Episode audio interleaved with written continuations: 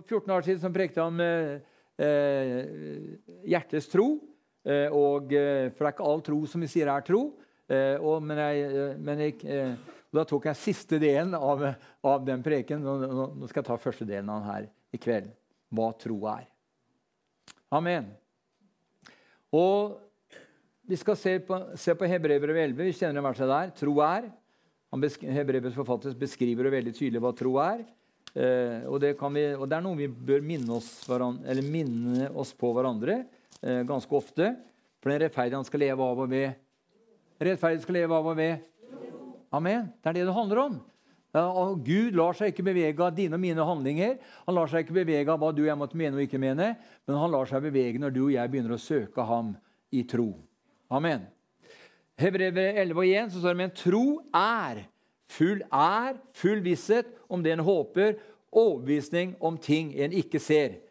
Og så ser vi vers 2. For på grunn av den, den troen som, var, som, eh, som, var, som hadde full visshet, overbevisning om ting en ikke ser, på grunn av den troen står det, så fikk de gamle godt vitnesbyrd.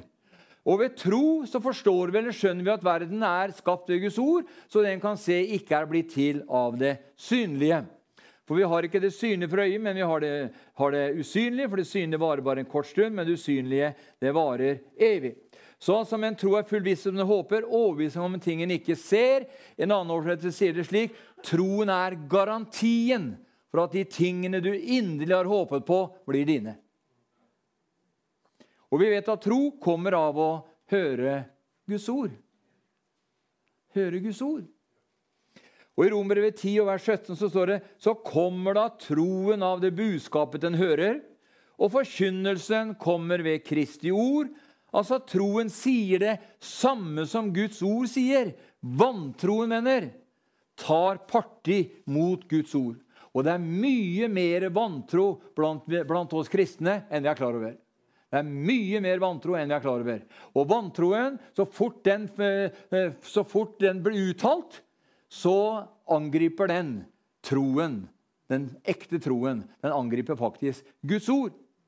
Eh, så vantroen den tar alltid parti imot Guds ord. Og Det er et, faktisk et sørgelig faktum at mange troende faktisk uten å være klar over det, taler vantro, og slik så tar de uten å være klar over det, parti imot Guds ord. Og så lurer man på hvorfor Guds ord ikke fungerer for dem. Sånn er det. Eh, og, eh, og 1. Peter 4, vers 11 sier at den som taler, han taler som Guds ord. Og det er liksom ikke dine og mine ord som skaper tro, men det er Guds ord som skaper tro. Ordet er deg nær i din munn og i ditt hjerte. Det er troens ord det vi forkynner.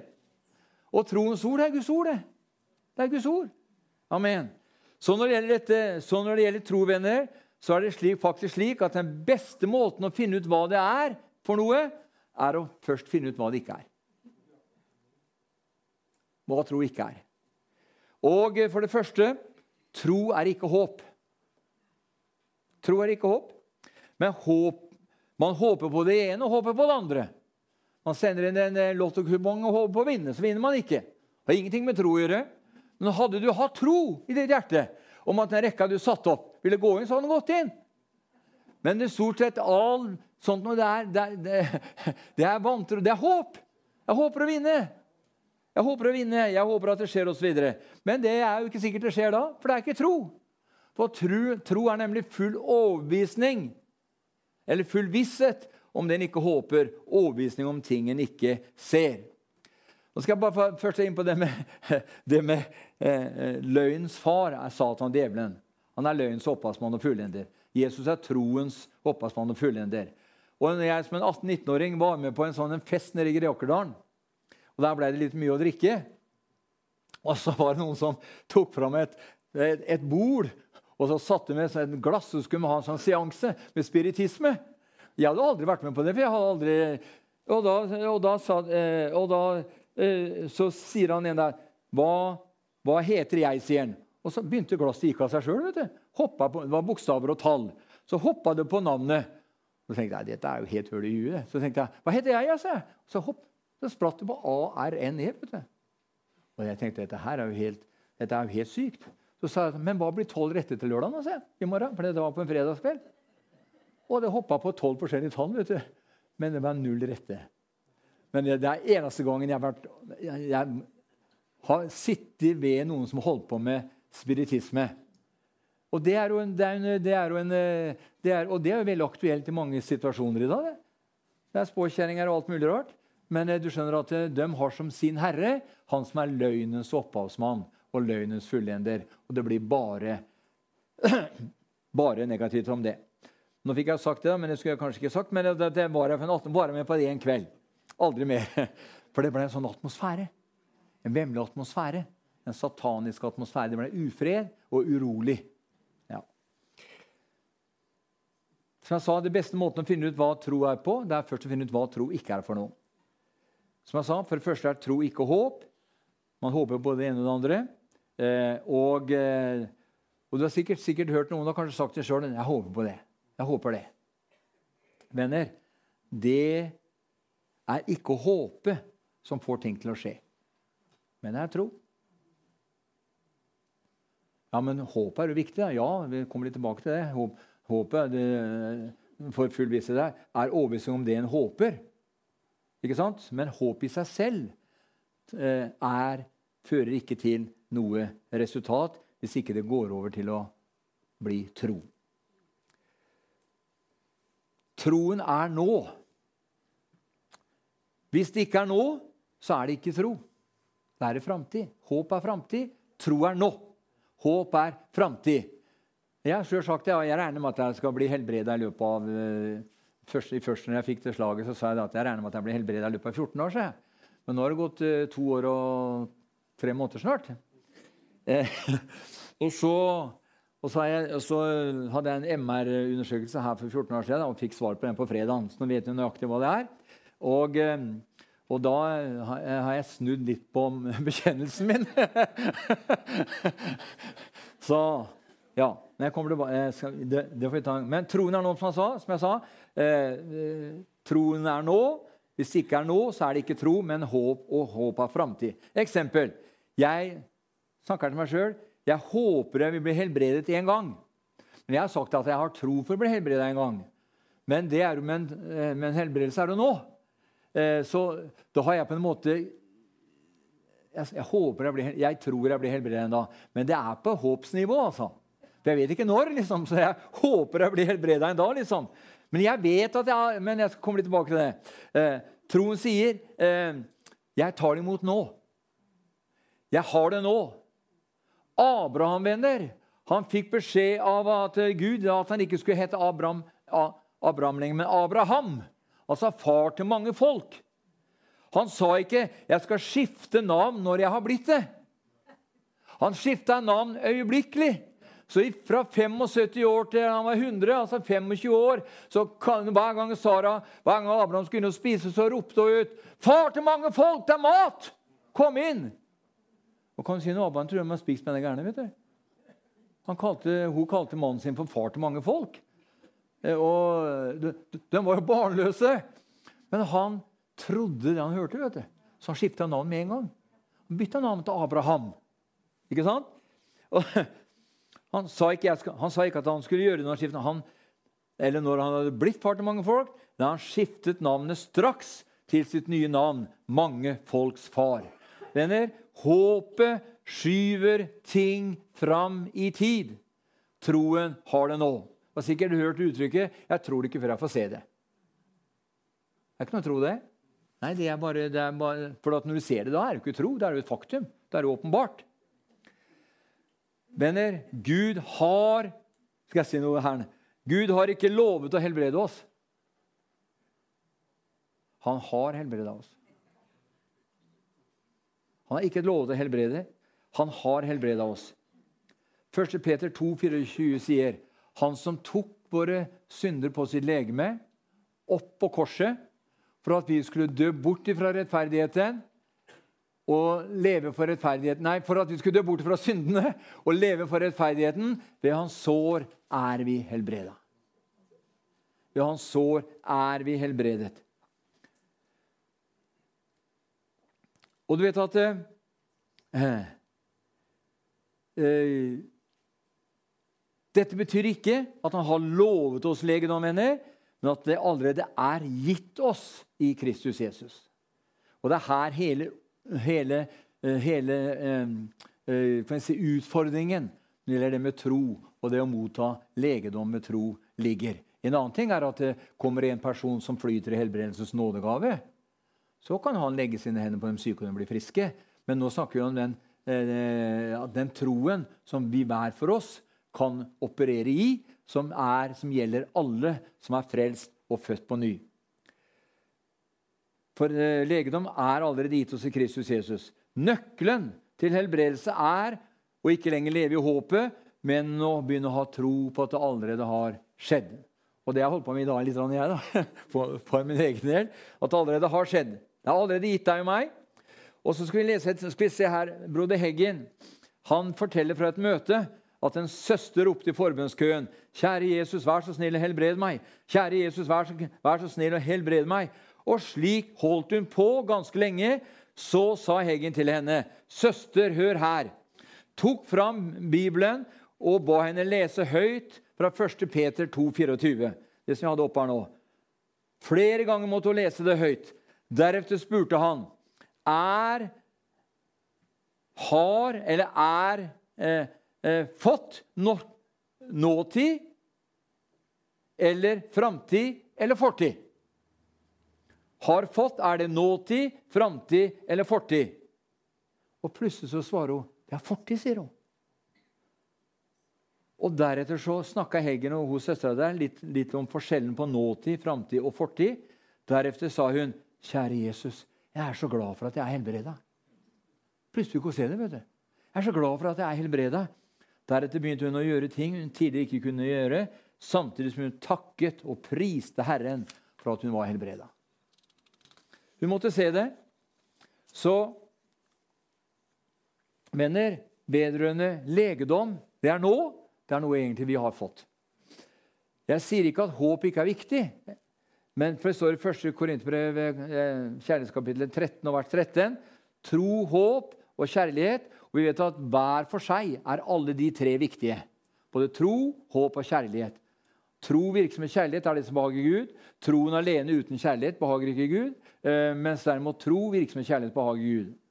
Og så vet vi at vårt håp Eh, er faktisk at eh, en dag så kommer Jesus tilbake. Det er framtid. Han har ikke kommet ennå, men det er vårt håp. En dag kommer Jesus Ja, vi tror jo det at han kommer igjen, men det er fortsatt framtid. Det er fortsatt framtid, for det har ikke skjedd ennå. Vi vet at Jesus kommer tilbake om vi tror det eller ei. Om jeg ikke tror på det, så kommer han likevel, for Guds ord sier det. Eh, det er nemlig ikke min tro som får Jesus til å komme tilbake, men det er pga. hva ordet sier. Ordet sier han kommer tilbake, og fordi at ordet sier han kommer tilbake, så blir det sånn. Om jeg tror det eller ei, det spiller overhodet ingen rolle, men ordet sier det. Og når ordet sier det, så blir det sånn som ordet sier.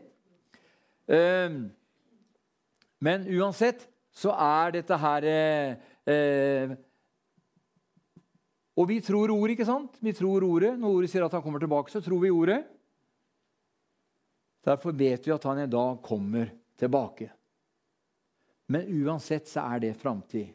Derimot legedom og frelse, det er nå. Og det er noe vi allerede har fått i forsoningen. Venner, tro er handlingen. Det var et eksempel med Catherine Kuhlmann. Hun hadde jo kraftige helbredelsesmøter i sin tid. Veldig sterke helbredelsesmøter. Eh, og hun, eh, og hun sa jo da at før hun gikk på plattforma, så kunne hun kanskje være i bønn i flere timer. Så sa at Eh, så det var en reporter som spurte henne hva var som årsaken til at det kunne skje så mange tegn under og mirakler gjennom dine hender. Så, så, svarte hun, så, svarte hun, det skjedde etter at Catherine Kuhlmann døde. sa hun. Når hun døde bort fra seg sjøl. Når det ikke var lenger henne det handla om, men at det handla om han som er frelseren Jesus. Da sa hun når jeg, dø, når jeg døde, sa hun, bort fra meg selv, da kunne Guds kraft komme over henne. Og Her er, her er et eksempel fra et møte. Eh, Ketrin Kuhlmann, hvor det i et av møtene hennes kom fram fire personer som satt i rullestol. Fire personer. Og hun sa stille til alle fire, én etter én, reis deg og gå i Jesu navn. Og bare hviska inn i øret på dem. Reis deg, søster. Reis deg. I Jesu navn. Tre reiste seg. Den første, andre og tredje reiste seg opp på hennes ord. Reis deg. Reiste seg opp på rødsolen. Men så kom hun til den fjerde. Den fjerde sa, 'Jeg kan ikke.' Jeg har ikke gått på 13 år, jeg. Jeg kan ikke. Jeg har ikke. Ja, men de andre sto opp og gikk, da, eh, sa Catherine til dem. Ja, jeg vet det, sa hun, men jeg kan ikke. Hvorfor ble de tre helbredet? Jo, de handlet i tro på det de hørte. Hun nekta å tro på det hun hørte. For Catherine Kullmann sa hun så de andre reise seg. Så kom, henne, kom Catherine til henne og sa 'Reis deg opp'. 'Nei, jeg kan ikke', sånn. 'Jeg har sittet i rullestol i 13 år. Jeg kan ikke'. Altså, når salvelsen er Salvelsen var over henne. vet du. Og når salvelsen var, var der Men hun hadde bestemt seg. Hun, kunne, jeg, ja, hun var så opptatt med at hun ikke kunne gå. Jeg kan ikke. De tre ble helbredet fordi de handlet i tro på det de hørte. Og Profeten Isaiah sier det i kapittel 53 og i vers 1. Så sier han, 'Hvem trodde det budskap de hørte?' Og for hvem ble Herrens hånd utdrakt? Eller åpenbart. Hvem trodde budskapet vi fikk, eller de hørte? Og hvem ble Herrens arm utdrakt for? Jo, selvfølgelig ble Herrens arm utdrakt de som trodde det budskapet de hørte. Og de som ikke trodde på det budskapet de hørte, skjedde ingenting. Skjedde ingenting. Hør her. F.eks. det å tale i tunger, så er det fortsatt noen som sliter med dette. Faktisk ganske mange som sliter med det. Og tror at det er en hellig ånd som skal tale i tunger. Men slik er det jo ikke. Det er du og jeg som skal gjøre det. Ja. Og jeg husker at eh, når Rolf og jeg ble frelst en mandagskveld eh, 20.1.75 eh, mellom 8 og 9 på kvelden ute, ute i Skjeberg på et bønnemøte der. Var Rolf og jeg som var der, og så var det et gammelt ektepar der. Så var det ikke sånn, Vi hører mye om det at eh, Si etter meg. Så sier vi 'Jeg tror at Jesus Kristus lever'. Og så kan vi si 'Takk, Jesus, at jeg' Og så kan vi regle, så, så sier predikanten 'Hva er du nå? Nå er du frelst'. Det er ikke, er ikke alltid riktig, det. skjønner du. I de fleste tilfellene så stemmer det ikke. De fleste tilfellene så stemmer det ikke, fordi at uten at du blir født på ny, så kommer ingenlunde komme inn i Guds rike. Og jeg husker når, når jeg ble frelst, da, Måtte ikke si noen ting. Jeg bare var, var ferdig. Bare bøyte kne og sa 'Jesus'. Så kom Guds ånd over meg, som ble frelst og født på ny. Bekjente ingenting. Bare bøyte kne. Og du skjønner at det er noe, det er noe i den, der, der, uh, IT-alderen hvor allting skal gå så fort. Så det er ganske mange, mange av dem som hører om at ja, det ble 200 frelst. Det ble ikke 200 frelst. For da må det bli en forandring i den bygda hvis 200 ble frelst i den bygda ble født på ny. Da vil det jo starte både eh, grunnleggende mange ting som burde skje der og da. da. Nei, men det er at Vi bedrar oss sjøl. For vi tror mange ganger at fra uten at du blir født på ny, sier Jesus, så kan du ingenlunde se Guds rike. For det som er født av kjød, er kjøtt. Men det som er født av ånd, er ånd. Halleluja. Og Derfor er det så viktig at det, når vi, når vi ber med folk til frelse, når folk kommer og opplever at de er vil bli frelst og født på ny, da er de, det er noe helt annet, for da er de klare for det. Nå kommer jo troen av forkynnelsen, og troen kommer av å høre. Og eh, Jeg sier ikke at det, at det, er feil å forkynne eh, be etter meg. og sånn, jeg sier ikke at det er feil, Men, eh, men, må, det, men, men, det, må sjekkes etter om de kommer igjennom. Om de virkelig blir nye skapninger. For mange, I mange tilfeller så, ellers så blir det de som hørte ordet, tok imot det med glede. Og så kom det reiste seg motstand. Du ser den fire jordsmåneder. Og så kom det litt motstand. Pang, så forsvant de. Nei, det er bare det er, det er, sider her som det er veldig viktig nå i endens tid nå at vi, klar, at, vi, at, vi, at vi, forstår det at det, det å bli en på nytt født kristen, det er å bli gjort ett med Han som døde for oss alle mens ennå var syndere. Det er at Han flytter inn og tar bolig i oss. Amen. Halleluja. Og når han tar bolig i oss, så kjenner vi det at, at da eh, Som han sa, da, at når jeg var så fælt å banne, men da ble jeg frelst på ny, så slutta jeg øyeblikkelig å banne så, med en gang. Vet du hvor han ble ny skapning? Ja.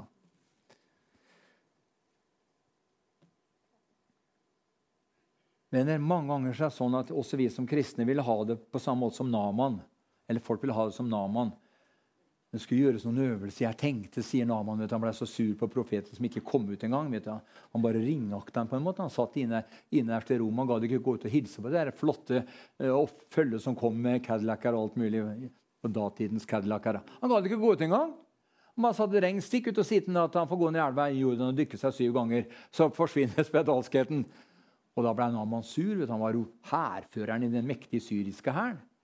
Og så står det, så sier han at så sier han, 'Jeg tenkte', sier han, 'at profeten skulle komme ut og skulle gjøre noen sånne, noen sånne bevegelser, ritualer og sånn.' Så de er flinke til kirken å ta på seg, gjøre noen ritualer og sånn. Men det var ikke sånn. vet du. Budskapet var enkelt. Gå ned i elven Jordan, dykk deg syv ganger. Og så sa han har vi ikke bedre elver enn eh, hjemme i Syria sånn, den der møkkete elva nede i Jordan. Hæ? Har vi ikke bedre elver enn det? For det er ikke noe, veldig, er veldig rent, pent vann der det som har vært der nede. Men som var heldigvis at det var én unggutt i, i, i følge til Naman som hadde litt forstand. Så sier han til Naman De var på vei tilbake, vet du. eller skulle reise med uforretta sak. Så sier han til Naman du Naman, hadde profeten bedt deg om å gjøre en sånn en krigsagrobatikk eller noe sånt nå, da hadde du stilt opp. ikke sant? Men fordi han sa det så enkelt, kan du dykke deg syv ganger i elva Jordan. Og så står det så, så tok han imot den formaningen. Og så dukka han seg syv ganger i elva Jordan. Og så ble han momentant helbreda. Og han fikk eh, hud som er barnerumpe, som det pleide å si. Helt rent og pent. Ikke sant? Og, så, og sånn er det, skjønner du. Tro er handling. Han, når Herren sa til Josef han skulle gå syv ganger rundt eh, eh, hver dag, gå, gå, syv ganger rundt Jerikos murer, den syvende dagen skulle gå syv ganger rundt, og så skulle de blåse i trompeter og så skulle de sette i et hærskrik. Og det er klart at De som sto oppå den svære muren, som var eh, ganske høy og ganske brei, de så i seg at folket tusla rundt der, rundt den muren. De lurte på om på er gærne. vet du. De har gått rundt igjen, så kom Neste dag gikk de rundt igjen. Tredje dagen gikk rundt igjen. Han, sikkert noen som tenkte han, Men Rab, og, Rahab visste hva som skjedde. vet du. Hun hadde jo møtt speiderne litt tidligere. Og så ser vi da at den syvende dagen så gikk de syv ganger rundt. Og den syvende runden så satte de i et hærskrik. Vet du hva de ropte? 'Jesus!' ropte de, bare for å oversette til det norske da. Og i det øyeblikket de ropte 'Jesus', så rasa murene. De bare ikke rasa, men eh, du har vært i Jeriko, så ser du at murene ligger langt nede i bakken.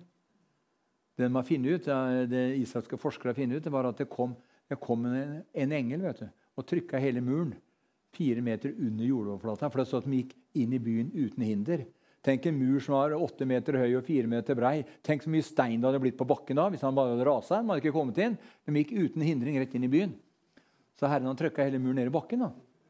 Du skjønner, Det er ingen liten gud og jeg, du og jeg har med å gjøre. vet du. Nei. Halleluja. Vi har med Gud som er mektigere. Og jeg tror venn, at vi er på vei inn i det. Halleluja. Det har begynt allerede, som Eigar sa til meg i går. det har begynt. På tro er nå. Amen. Halleluja. Jeg sa det, Apostlene 2,4 så står det at da ble de alle fylt av Den hellige ånd, og de begynte å tale. Og hva betyr dette? Jo, at det er du og jeg som må begynne å slippe ut det som kommer opp i vår munn. Vi må begynne å tale.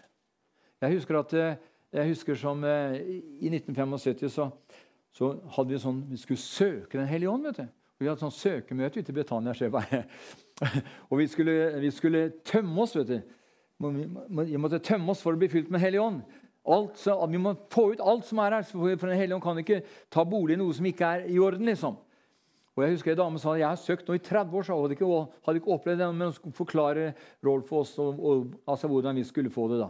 Men så, men så opplevde jeg at jeg, eh, men så opplevde jeg en dag eh, Det var ganske bare et par dager etterpå så etter ble, at noen dager etter ble frelst. Da, så opplevde jeg at det begynte å brenne liksom i, i, i hendene her. vet du.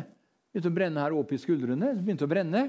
Og så så tenkte jeg ikke mer på det, men så etterpå så begynte jeg å tale i tunger. da. Talte til meg sjøl. Men så var det en røst som sa meg det der, der må du slutte med, for det er jo bare deg sjøl.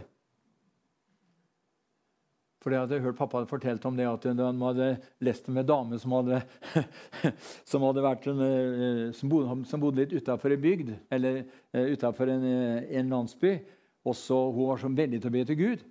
Og da hadde hun plutselig stått og sett ut så hadde hele huset stått i flammer. Uh, og så måtte de kalle på, kalle på slukke, slukkemannskap. Men de kom dit, så var, det var ikke noe å slokke, vet du, for var en hellig ånd. Det var ild. vet du. Ild. Og da tenkte jeg sånn ild husker jeg Rolf jeg snakket med om, sånn ild skal vi erfare og oppleve. Vi vil ha den ilden der. Og Derfor så sa vi at nei, det er, ikke, det, er ikke, det er ikke godt nok. Vi må ha noe mer. Vi må ha den, vi, ha, vi kan for at han, han som underviste sa det at det er noe som heter å bli Én ting er å bli fylt med Hellig Ånd, sånn. en annen ting er å begynne å tale i tunger. Sånn. Men det er noe som heter en kjærlighetsdåpen Hellig Ånd og ild. Sånn. Det var, liksom, det, var det, det, det, var det største da, for en kjærlighetsdåpen Hellig Ånd og ild. For det hadde både Barrat og Smith-Wiggesort opplevd En kjærlighetsdåpen Hellig ånd og ild. Og så husker jeg da at det var hjemme, altså jeg bodde på Kuland, det var før jeg gifta meg. dette her, sånn, så lå vi så Rolf, vi bodde, hjemme, ja, vi bodde på Kuland, der var det tre soverom. og så Rolf og jeg lå på hver vår seng på hver side av rommet. Så lå vi på kvelden der og priste Gud.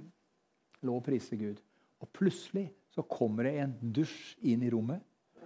Kommer inn, og Vi kjenner begynner å brenne i hodet. Ikke sant, Rolf? Det begynte å brenne i hodet, og så brant det nedover, nedover nakken ut i hendene, nedover hele kroppen og ut i føttene. Så kom det dusj på dusj. Da fikk vi Den hellige ånd og ild.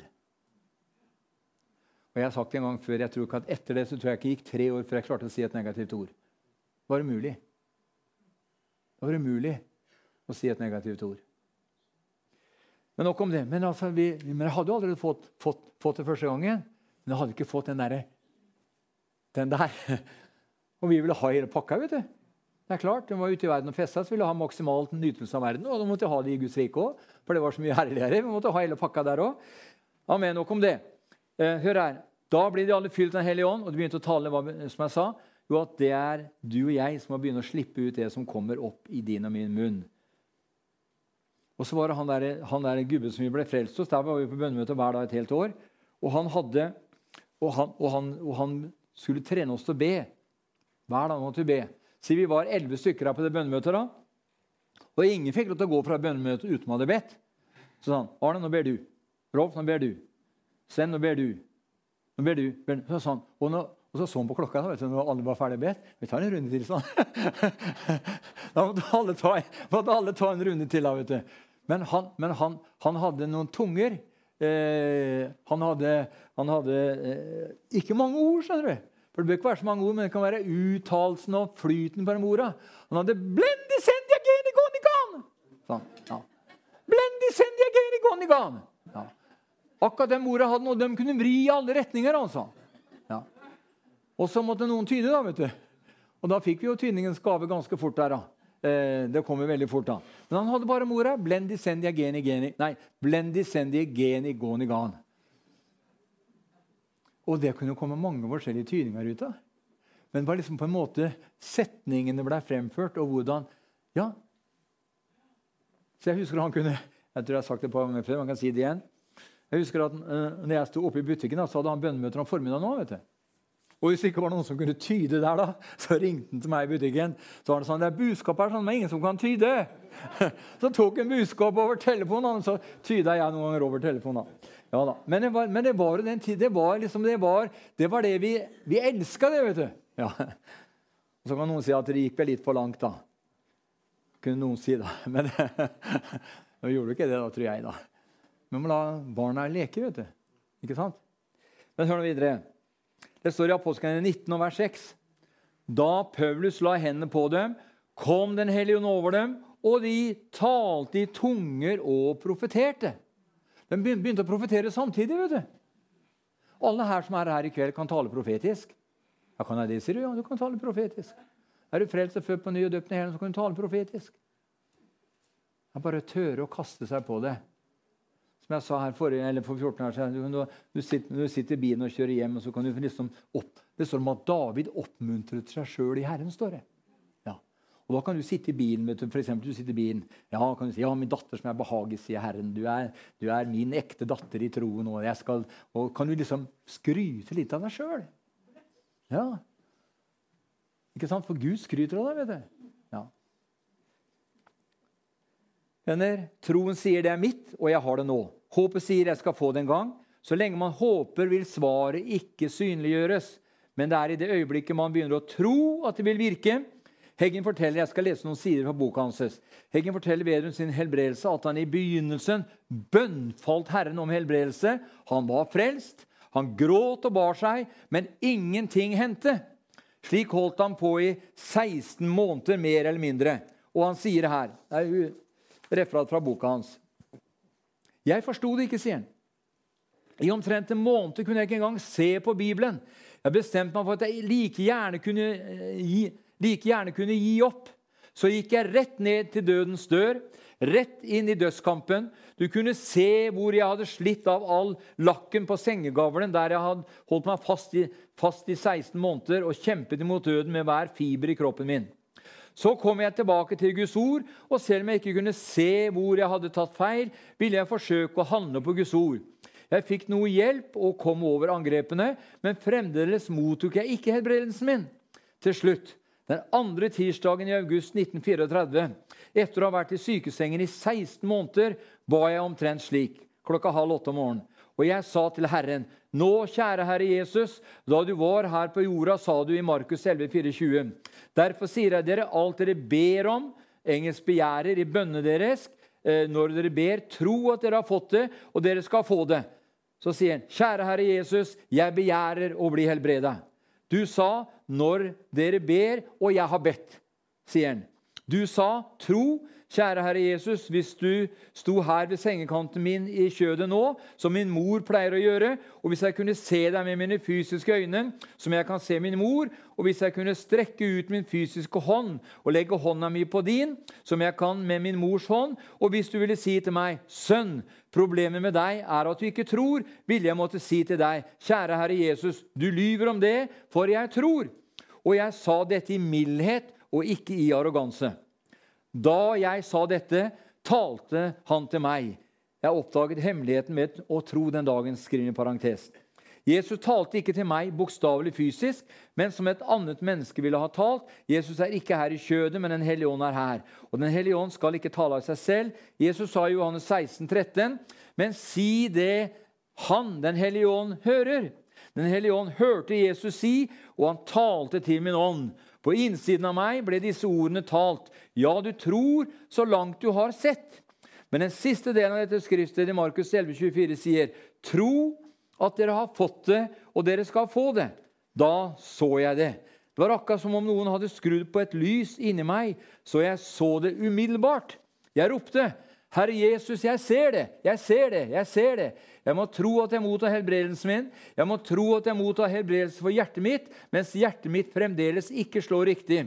Jeg må tro at jeg mottar helbredelse for lammelsen min, selv om jeg fremdeles er lam ut fra et naturlig synspunkt. Og hvis jeg tror at jeg mottar det, da har jeg det. Jeg hadde aldri sett dette før. Jeg ville motta helbredelsen min først, og så tro det. Men du behøver ikke tro det da, for da vet du det. Jeg så hva jeg hadde gjort. Jeg hadde håpet å motta helbredelse alle disse månedene, og det hadde ikke virket. Hvis du følger ordet til Den hellige ånd, vil du gjøre ting automatisk. Selv om det hadde vært tider under min lange sykdomsperiode at jeg ikke hadde kunnet bruke hendene særlig godt. På denne tiden kunne jeg bruke dem nokså godt. Det var den nedre delen av kroppen min som var lammet. Etter at jeg hadde mottatt denne åpenbaringen av Guds ord, løftet jeg umiddelbart hendene mot himmelen. Ingen sa jeg skulle gjøre det. Jeg kan ikke forklare hvorfor jeg gjorde det. Jeg bare gjorde det, sier han. Himmelske Far, kjære Herre Jesus Kristus, takk for at jeg er helbredet, sa jeg. Jeg tror jeg er helbredet. Nå hadde jeg det i riktig grammatistisk tid. Nå virket det for meg. Troen er nå. Hvis den ikke er nå, så er det ikke tro. Å tro at jeg skulle få helbredelsen min, vil ikke være nåtid. Det ville, være, det ville ikke da være tro. Takk, kjære Herre Jesus, sa jeg, for helbredelsen min. Jeg tror eh, at hjertet mitt er friskt. Jeg tror at lammelsen min er helbredet, og jeg takker deg for at du helbreder kroppen min. Jeg tok ikke tiden, og jeg, klar, og jeg, er klar over at noen få øyeblikk kan virke som en lang tid, men jeg tror jeg må ha prist ham på denne måten i omtrent ti minutter. Jeg brukte de ti minuttene på å takke ham fordi hjertet mitt var friskt og kroppen min var helbredet. Satan utfordret meg øyeblikkelig. Selvfølgelig. Han vil bestride enhver tomme av det området du tar. Men en gang sa djevelen til meg, 'Du er en fin en, du. Du hevder å være en kristen, og nå har du begynt å lyve.' Ellers ville han ha fornektet at det finnes et helvete eller en ildsjø, men denne gangen sa han til meg, 'Vet du ikke at Bibelen sier at alle løgnere skal havne i sjøen som brenner med ild og svovel?' Det sa djevelen til en sånn, eh, ikke sant? Og så sier han videre, 'Jo, jeg vet det, djevel', svarte jeg. Men jeg løy ikke. Jeg visste det var djevelen, for alt som, er, alt som er tvil og mismot, er av djevelen. Han svarte, 'Jo, det gjorde du. Du sa du var helbredet, og det er du ikke.' 'Kjenn etter hjertet ditt. Kjenn hjertet ditt.' Og jeg pleide å kjenne på hjertet mitt for å sjekke det, sier Heggen her. Og ubevisst tok jeg hånda mi på det for å kjenne etter. Da jeg gjorde det, slo jeg meg selv på hånda og sa, 'Nå, mister Djevel, jeg sa ikke at jeg følte meg helbredet.' Hvis jeg sa det, ville jeg ha løyet. Og jeg sa ikke at jeg så ut som jeg var helbredet. Hvis jeg sa det, ville jeg også ha løyet. Jeg sa ikke noe om hvordan jeg så ut eller følte meg. Jeg sa, 'Jeg tror jeg er helbredet'. Jeg tror jeg er, og jeg mottar bønnesvaret. Hvis du sier at jeg ikke tror, da er det du som lyver, og du er en løgner uansett. Jesus sa at du er det. I Markus 11, 24 sa Jesus Kristus, Guds sønn, han da han var på jorda. Alt det dere ber om i bønnene deres, tro at dere har fått, det, dere skal få det. Jesus sa det, og det han sa, er slik. Jeg tror det. Hvis jeg tror det, da har jeg det. Jeg tror ham akkurat nå. Hvis du vil argumentere og mase mer med meg, djevel, gå til Jesus og argumentere med ham. Det var ikke jeg som sa det, det var han som sa det. Dette satte en stopper for djevelen. Jeg gikk tilbake til å takke og prise Gud for svaret. Jeg tror jeg har prist ham i ti minutter til, da jeg fra dypet av mitt hjerte i min ånd hørte disse ordene. Du tror at du er helbredet, men helbredere mennesker, friske mennesker, skal ikke være i senga, sa Herren til ham. Du trenger å være oppe. Det er riktig, svarte jeg. Ja, Herre, det er riktig, jeg skal stå opp. Priset være Gud, jeg skal stå opp. Du ser at jeg trodde, men tro er å ha, og tro er å ta et trinn opp, og du må ta alle trinnene. Jeg så ikke bedre ut, og jeg følte meg ikke bedre. Fysisk hadde jeg ingen følelse fra midjen og ned. Jeg var fremdeles lammet. Den øvre del av kroppen min fungerte bare to tredjedeler av full styrke. Jeg ble støttet opp av store puter, slik at jeg kunne lese Bibelen. Jeg dyttet meg selv opp i sittende stilling og dro knærne opp mot brystet. Så forsøkte jeg å vri kroppen min, og jeg dyttet føttene ned fra senga. Jeg tok tak i sengekanten, eller i sengestolpen ved enden av senga og dro meg selv ut av senga. Føttene mine falt på gulvet som trekubber. Jeg visste de var nede, ikke fordi jeg kunne føle dem, men fordi jeg kunne se at de var der. Jeg sank sammen i knærne. Der sto jeg og klamret meg til sengestolpen. Knærne berørte nesten gulvet. Rommet begynte å gå rundt. Djevelen kjempet imot meg for hver tomme. Tanker kom inn i sinnet mitt like fort som et maskingevær skyter ut kuler. Du kan ikke gå, og du vet du ikke kan, sa djevelen til meg. Du er ikke helbredet, og du vet at du ikke er det. Du lyver om det. Du kommer til å ramle rett ned her på gulvet, og du må bare bli liggende der, sa djevelen til henne. Og En av de beste måtene i verden å håndtere djevelen på, er å overse ham fullstendig. Så jeg overså ham. Jeg handlet som om han ikke hadde sagt noen ting. Da jeg hang der på sengestolpen så godt jeg kunne, løftet jeg en hånd litt opp og sa Takk, Gud, jeg er helbredet. Jeg ønsker å erklære i nærværet til en allmektig Gud, Herren Jesus Kristus og englene i himmelen, i nærværet til djevelen og de onde ånder, at Guds ord er sant, og jeg tror jeg er helbredet. Jeg tror det. Det gamle rommet snurret rundt, for jeg hadde ligget, hadde ligget flatt i 16 måneder. Jeg lukket øynene. I løpet av noen få minutter kunne jeg se at tingene hadde sluttet å gå rundt. Jeg åpnet øynene mine. Alt var tilbake på plass. Igjen sa jeg, takk Gud, Ifølge ordet er jeg helbredet. Jeg trodde det. Så følte jeg at noe som lignet en varm glød, falt ned på hodet mitt ovenifra. Det virket som om det fløt nedover meg som et glass med varm honning. Hadde blitt helt over hodet mitt. Det fløt nedover hele kroppen min. Da det nådde midjen, begynte følelsene følelse å komme tilbake til den nedre delen av kroppen min. I et par sekunder følte jeg en overveldende smerte. Bena mine føltes som om ti millioner nåler stakk dem. Jeg ville ha grått hvis det ikke hadde føltes så godt. Når du ikke har hatt følelse i det hele tatt, føles det til og med godt å kjenne smerte.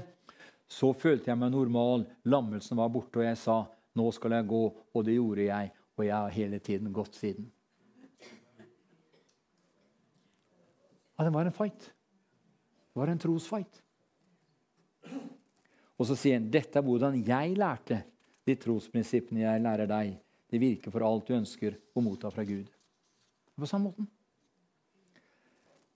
Venner, Åpenbaringen kapittel 12 og 11 sier at de har overvunnet djevelen pga. lammets blod og de ord de vitnet. Dette betyr at de ord som du og jeg bruker i troskampen, er viktige. Ord som inneholder tro, gjør at vi seirer. Johanne 20 og vers 25-29 sier, 'Vi har sett Herren', sa de. Men han sa, 'Vi har sett Herren', sa de til ham, altså til, eh, til, eh, til, eh, til Thomas. Men han sa, 'Dersom jeg ikke får se naglemerket' i hendene hans og får legge fingeren i det og stikke hånden i hans side, vil jeg ikke tro. Åtte dager senere var disiplene igjen samlet, og Thomas var sammen med dem. Da kom Jesus mens dørene var lukket. Han sto midt iblant dem og sa, 'Fred være med dere.' Så sier han til Thomas, 'Kom med fingeren din og se mine hender,' 'og kom med hånden din og stikk den i min side.' 'Vær ikke vantro, men troende.' Min Herre og min Gud, sa Thomas. Jesus sier til ham, 'Fordi du har sett meg, tror du. Salig er de som ikke ser, og likevel tror.'